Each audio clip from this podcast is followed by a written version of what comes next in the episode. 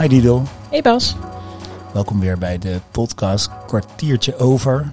We, gaan het, uh, we hebben het in deze podcast altijd een kwartier over een onderwerp van werk. Wij werken als uh, organisatieadviseurs, maar het kan ook privé zijn. Dat is eigenlijk, nou ja, zoals je misschien in de eerdere podcast heelheid hebt gehoord, dat is soms ook een beetje hetzelfde. En een kwartier hoor je een niet nader te noemen geluid. En dan proberen wij af te ronden. Dat is een beetje, dat is het idee. Dus uh, daar zitten we weer. Ja. Gisteravond uh, hadden we bij Berkeley Square de leergang. Dat is uh, een leergang eigenlijk over ons vakgebied. En daar was Rob Zuiderhout. En hij had het met ons over chaos en complexiteit. Ik schiet gelijk vol. En het was een waanzinnig leuke avond. En ook super complex. En uh, we dachten, we gaan het daarover hebben. Maar we hebben eigenlijk nog niet precies bedacht waarover. Dus dat gaat nu een beetje spontaan ontdekken. Want het is zoveel waar hij het over had. Dat is niet in een kwartier te krijgen. Dus uh, we zullen een beetje intuïtief iets moeten raken. Dus Didel, ja, je voelt het nog een beetje aankomen. Wat is het eerste waar je aan denkt als je aan gisteravond denkt? Ja, jeetje, dat is inderdaad veel tegelijk. Maar het eerste waar ik aan denk is dat, um, dat er iets wat, mij, wat bij is gebleven, is dat er ook iets uh, te snappen is aan die chaos en aan die complexiteit. Hmm. En dat had ik voor gisteravond, zeg maar, niet in de smiezen. En kun je daar iets over uitleggen? Of, of wat nou, snap je eraan dan? Wat ik nu denk te snappen, hè, want er zit, er zit nog een, een hele wereld achter die ik in ieder geval nog niet ken. Um, maar dat het um, uh, vanuit de, uh, de, dat het dat er een, een theo ik weet niet of ik het goed zeg, hè, maar ik, je moet me maar aanvullen als het niet klopt. Um, dat er een uh, theoretische en analytische zeg maar gelaagdheid zit in chaos en dat je hem dus kunt verklaren. Um, en dat, het, dat er regels bestaan waaronder complexiteit ontstaat. Um, en dat wist ik echt niet. Ja, mooi. Je kijkt er ook heel complex op. Ja. Dat is goed om te zien. Ja, ja. Ja, ik zit hier met jou. Jij, jij, jij hebt hier uh, veel meer kennis over dan dat ik dat heb. Uh, dus ik ben een beetje aan het toetsen ook of het, of het klopt wat ik zeg. Ik kijk je aan en ik denk dan, uh, raakt dit iets? ik heb geen flauw idee. Um, maar wat mij bijstaat is dat het heel erg complexiteit is in de wiskunde heel bekend. Dat heet ook complexe wiskunde. Dus nou, dat, voor de mensen die wiskunde altijd al moeilijk vonden, dan, die vonden alle wiskunde complex. Maar waarom het complex heet, um, is omdat het van um, zoveel variabelen afhankelijk is, dat je het niet meer eigenlijk kan berekenen. Je kan het alleen nog maar benaderen. En uh, dat is natuurlijk ja, daarvoor moet je een beetje voorstellingsvermogen hebben om te kunnen bedenken van oké, okay, maar 1 en 1 is toch 2? Hoezo? Dat is toch vrij exact? Het heet ook exacte mm. wetenschappen. Dat is zo, maar er zijn gewoon vergelijkingen. Ik zal niet altijd diep induiken, niet al onze luisteraars kwijt te raken. Maar er zijn vergelijkingen die, als je er daar drie van achter elkaar zet, dan is het eigenlijk al niet meer uh, uh, te voorspellen wat er gebeurt. En die die complexiteit, die vind je dus zowel in de wiskunde is die heel normaal. Maar die vind je ook terug in de natuur en, en dingen. Bijvoorbeeld, wij als mensen zijn een vrij complex systeem op heel veel lagen. En eigenlijk, uh, als je drie mensen bij elkaar hebt zitten, dan kan er zoveel uh, variatie zitten. In, dus als die drie mensen bijvoorbeeld een gesprek gaan voeren, dan is de uitkomst daarvan eigenlijk niet te voorspellen en niet te, te, te berekenen, omdat daar zoveel interactie ontstaat op zoveel lagen. Ja, dat is gewoon. En eigenlijk is dat chaos. En daar zo komt dus de chaos uh, komt dan naar voren. En, en, en het mooie, de theorie was, als je dat zijn gang laat gaan en je probeert dat niet te sturen, dan kom je op een gegeven moment weer in een ordening. En die zelfordening, zoals het dan heet, ja, die, die is natuurlijk als je met z'n drieën aan het kletsen bent, is dat wel leuk om te zien. Want stel je, je komt je elkaar met drie vrienden tegen, hebt elkaar lang niet gezien. Nou, dan ga je zo van alles en nog wat kletsen. Nou, op een gegeven moment kom je in een soort thema. Kom je, ja. in, kom je in een soort herhaling. Dus dan gaan mensen iets, oh, dat, dat heb ik ook, oh, dat heb ik ook. En dan komt er een soort thema. En dan heb je een vorm van ordening. Nou, en, en als je dat gesprek had willen sturen, dus je had daar een, dus had drie vrienden en dan heb je er een soort Matthijs van Nieuwkerk bij die dat dan eventjes allemaal gaat sturen. Dan was dat nooit gebeurd. Dan was er geen natuurlijke, dus dan was die zelfordening niet ontstaan. En als je dat dan nog, nog groter maakt, dan zeg je, nou, neem nou eens een hele organisatie met honderd mensen. Nou, wat, wat gebeurt er dan al niet onderling? En dan honderd werkprocessen of honderd dit. Of, nou ja. Ja. En het is al bijna, nou, als je het met drie mensen kan je het zo voorstellen dat het niet te sturen is. Maar hoe, hoe doe je dat met honderd mensen? ja, en het mooie daaraan is dan dat het dus inderdaad zelfsturend is. Als in, het gebeurt toch, die nieuwe ordening. Als in, je kunt dat wel willen sturen, ook voor ons als adviseurs. Je kunt daar heel veel van bij bedenken, maar je kunt het inderdaad, wat je zegt, alleen maar benaderen. Eh, maar het gebeurt toch. En dat vond ik ook wel echt een eye-opener. Als in, ik weet wel dat je mensen niet kunt veranderen, maar dan heb je NS1. Maar laat staan inderdaad NS100. Als je het hebt over een cultuur binnen een organisatie, als je ergens binnenkomt, dat je dat al kunt voelen en dat je dat al ergens eh, sensorisch merkt, zeg maar, dat, dat, dat zit daar ook in. Eh, maar dan inderdaad met, eh, nou ja, zeggen, eh, laten we het bij 100 houden inderdaad. En dat is dan nog een relatief kleine organisatie. Laat staan dat je een ziekenhuis binnenloopt waar eh 2500 mensen werken. Ja. Ja, Nou, en dus daarmee was gisteravond ook wel een paar keer te voelen dat het einde van de organisatieadviseur aan tafel werd, werd ingeleid. Wat heel leuk was met een hele groep organisatieadviseurs. Maar dat is natuurlijk niet helemaal waar. We zouden in ieder geval geen adviseurs zijn als we niet iets nieuws zouden verzinnen wat we zouden kunnen doen. Maar het mooie erin is dat je. ehm, je hebt ook een kritische massa nodig. Eh, Rob had het gisteren over. Je hebt maar 15% vernieuwers nodig in een systeem die eigenlijk de oude orde willen doorbreken. De oude ordening. En als je er als 50% van de mensen dat wil, dan gaat er al een beweging plaatsvinden. Dat wordt ook wel een beweging genoemd. Hè? Dat iemand een beweging start, een movement.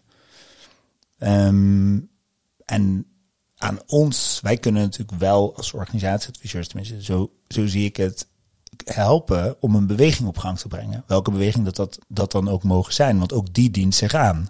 Het zou gek zijn als wij die beweging zouden eh, initiëren, maar vaak voelt een bedrijf, er is iets gaande, er loopt iets meer, niet meer, we komen tot stilstand, er zitten dingen vast. Er is iets van beweging nodig. Vaak wordt dat bedacht vanuit de oude ordening. Dus het is een rommeltje, het moet worden opgeruimd. Maar vaak is het al een, een voorbode dat er iets gaat veranderen. Dat zijn vaak de projecten juist waar wij op gevraagd worden. Dat het eigenlijk helemaal niet helder is wat er nou eigenlijk aan de hand is. Ook niet wat er moet gebeuren. Ook niet waar dit naartoe gaat. Eigenlijk is er een heleboel onzeker. En denk je dan dat we met, het, met de leergang van gisteravond dat je zou kunnen stellen op het moment dat je als adviseur niet binnenkomt, dat die ordening dan vanzelf zou gaan plaatsvinden, maar dat het mogelijk langer duurt? Ehm, eh, dat kan. En wat een complex systeem ja, kan ook, eh, volgens mij heet het regressie, maar kan ook gewoon instorten en kapot gaan. Ja, En dan kan je het vergelijken met dat je zelf met je eigen complexe systeem, je lichaam naar de dokter gaat. Je bent ziek, je gaat naar de dokter. Ja, die dokter zou je kunnen helpen. Uiteindelijk moet je het herstel zelf doen. Dus die dokter kan niet meer dan hè, eh, kijken. Het is overigens wel iets anders dan wat wij doen, want een dokter analyseert.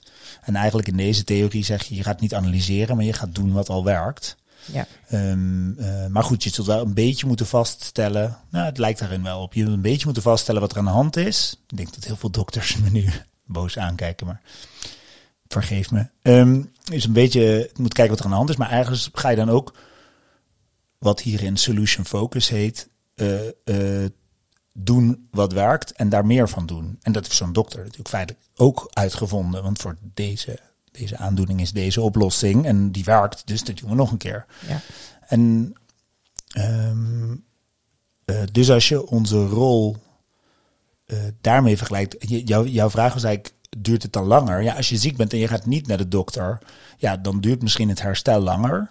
Maar Ja. er is ook een kans dat het slecht met je afloopt. En dan krijg je dus die regressie en dan stort het complexe systeem in, in dit Ja. geval eh, je lijf.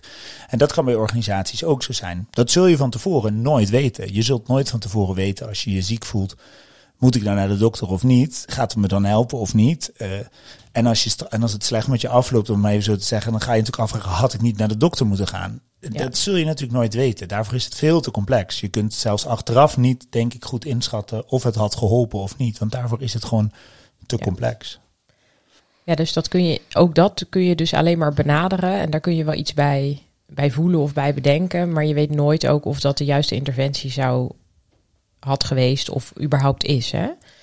Ehm, ik, wat, ik, wat ik gisteren ook super interessant vond, is dat je, dus als je het hebt over die 15%, als je uh, die vernieuwers in een, nou ja, zeg het, uh, onder 100 mensen hebt, um, dat je dan, dat wij als adviseurs dan echt een stem kunnen geven aan die vernieuwers. Of hen kunnen helpen positie in te nemen om te kijken en te begeleiden in dat proces over oké, wat zou die nieuwe ordening dan mogelijk kunnen worden?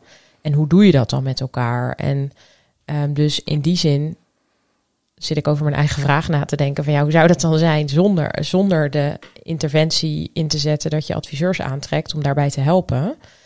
Um, want enerzijds denk ik, ja, kan het ook lekker voelen uh, voor een opdrachtgever van, oh nou, dan hebben we in ieder geval hulp in huis, dan zal het wel goed gaan komen. Maar zou het ook goed komen, waarbij goed dan inderdaad bestaansrecht is van een organisatie, als je geen hulp zou vragen? Oftewel, dan moet je het zelf doen. Is denk ik mijn antwoord. Maar dan is de vraag, is die 15% zo, um, is die stem groot genoeg, zeg maar, dat, ze dat kunnen, uh, dat ze die nieuwe ordening voor elkaar kunnen gaan krijgen? Ja. Nou, kijk, dat geldt natuurlijk voor, denk voor bijna alles in het leven. Hè. Zou het ook zijn gebeurd als je het niet had geholpen, hè, als je het niet had gestimuleerd? Um, alles is er toch, kan je zeggen. Daar ja. hadden we het ook met, uh, met uh, podcast over heelheid over. Van het, het is er al, alles is al heel. Dus ja, zo kan je ook naar een organisatie kijken. Het is er allemaal al. Um, uh, dus dit is natuurlijk denk ik een hele existentiële vraag. Hè? Zou, zou, heeft het dan zin dat we er zijn? Mm. Ja, die, die, vraag kan ik nog wel wat groter maken. Ja. Heeft dan überhaupt alles zin? Nou, ja. Daarover doen we vast nog wel eens een ander gesprek. Maar Later meer. Het ja. um, uh, neemt niet weg dat um, um, als je zeg maar deze theorie omarmt, mm -hmm. dan zeg je eigenlijk van nou oké, okay, je hebt periodes van luwte, dan doe je eigenlijk wat werkt en daar doe je meer van. En je hebt periodes van een soort crisis, dan werkt de oude ordening niet meer. En zoals dat gisteren ook uh, mooi werd uitgelegd, je krijgt dan ordeverstoorders. Zo worden ze aanvankelijk ervaren. -hmm. Maar eigenlijk zijn dat de procesvernieuwers en ja. de vernieuwers. Je krijgt procesbewakers, die bewaken de oude orde of ordebewakers. En, en die gaan op spanning komen te staan. Nou, op zo'n spanning symboliseert natuurlijk een waarde. Het oude, oude ordening heeft waarde. De nieuwe ordening, waarvan je eigenlijk nog niet weet wat het is, maar die heeft ook waarde. Dus je komt in een tussentijd. En, en uh, daarin gaat zich iets, daar gaat iets plaatsvinden. Dus, um, uh, uh, maar, maar meer is gezegd dat, en die 15% is natuurlijk ook vrij arbitrair, maar als je een een percentage hebt, dan gaat die oude ordening zo verstoord raken dat er hoe dan ook een nieuwe ordening komt. En omdat die dermate complex is, zal het nooit dezelfde worden. Ja. En gaat er dus iets veranderen. En volgens mij kun je dat proces begeleiden. Kun je dat proces ondertitelen. Kun je dat proces uh, ja, uh, uh, mensen stutten en steunen. Kun je daar bedding aan geven. En nou ja, volgens mij is dat wat wij vaak doen is zo'n verandering is best wel pittig. Uh, zowel of je nou de vernieuwer bent of de procesbewaker. Weet je, iedereen doet het met zijn beste intentie. En zal dus vroeger of later een keer pijn voelen in zo'n proces of verlies of rouw. Nou, op zich alleen al als bedrijf bedenken. Dit is onvermijdelijk dat dit af en toe gebeurt. Zeker bij een groeiend bedrijf zie je dat. Hè? Die weten gewoon, we gaan van crisis naar crisis. En dat zijn onze groeispurts. Ja kan je gewoon zeggen, ik gun het mijn medewerkers dat we die toch al lastige uh, transformatieve momenten, dat we die goed ondersteunen. Nou, dat, dat vind ik een heel humane manier, zeg maar, ja, om te kijken naar verandering. Ja. Dus dat is, zou voor mij, zeg maar, met wat ik nu snap van gisteren, zou de reden zijn om het wel te begeleiden. Omdat je gewoon voelt, het is al pittig zat. Ja, en ik denk ook als, um, als je nadenkt hoeveel theorieën en überhaupt hè, in die hele complexiteit wat er allemaal nog te snappen valt. Ehm, je, je, je, je doet niet je baan, je functie ehm, met al deze bagage in je, in je rugzak. Dat je snapt wat er gebeurt op zo'n proces, dat die spanning ontstaat en dat die beweging, eh, eh, eh, ook al is dat vanwege die zelfordening, maar het gebeurt. Dus het is niet de vraag of het gaat gebeuren, maar wel wanneer. zijn wel weer. Ja, dit was natuurlijk ook weer net iets te groot onderwerp van kwartier.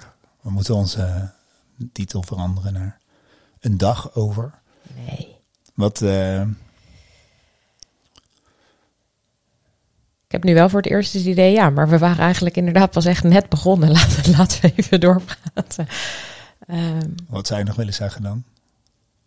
Ja, ik wil er vooral nog even over nadenken. Dus daar kan ik ook nog helemaal niet, niet per se iets over zeggen. Dus het is ook helemaal goed zo. Um, jij? Ik uh, voel, ik, ik, uh, um, ja, het geeft mij wel een soort rust uh, dat, dat, dat, dat, dat die chaos wenselijk is. dat, die, dat dus die chaos de enige manier voor een complex systeem is om verder te komen. Um, en dat zeg maar allerlei stuurparameters. Uh, tuurlijk heeft dat ook een waarde hè, om, om, om ergens op te sturen. Zeker, blijf, blijf het vooral doen. Um, maar daarmee ga je niet een nieuwe orde scheppen. Ja. En um, als je op een gegeven moment voelt, dit is nodig, of, of het is onvermijdelijk eigenlijk, het is er al, dan zou het best wel eens kunnen helpen om op dat moment te zeggen, ik laat de chaos even zijn gang gaan. En dan ben ik eigenlijk nieuwsgierig wat daaruit naar boven komt. Terwijl ik dit zeg, denk ik, oh, hoe, zou ik dat zelf vinden als ik aan het stuur zit? Nou, best wel lastig, denk ik. Dus, um... Maar daar komt dus de spanning. En dat, dat je die kunt normaliseren, dat, dat, dus, dat er echt een grote waarde zit in chaos, zeg maar. Als je dat kunt omarmen, dat, dat is volgens mij de rust die je nu omschrijft. Als in dat dat wel een fijne gedachte is, dat dat gewoon zo is. Ja ja, de rust die ik omschrijf is zeg maar de wens om daar rust in te vinden. Want zo, zo ver ben ik nog niet. Okay. Ja. Wat ik ook nog wil toevoegen is dat ik het heel mooi vind dat we kennen natuurlijk bepaalde ordening en um, überhaupt zeg maar in rollen hè, in organisaties. Welk soort karakters mensen wie wat vertegenwoordigt. En ik heb gisteren weer ook daarin een andere benaming, andere um, uh, rollen, zeg maar, geleerd. En dat vind ik ook heel interessant. Ze zijn er toch inderdaad. En ze, ze, ze trekken, ze duwen, het beweegt. Um, en op die manier daarnaar te kijken, dat vind ik wel echt een enorme verrijking. Hm. Nou, mooi. Ja. Dag Dido. Doei.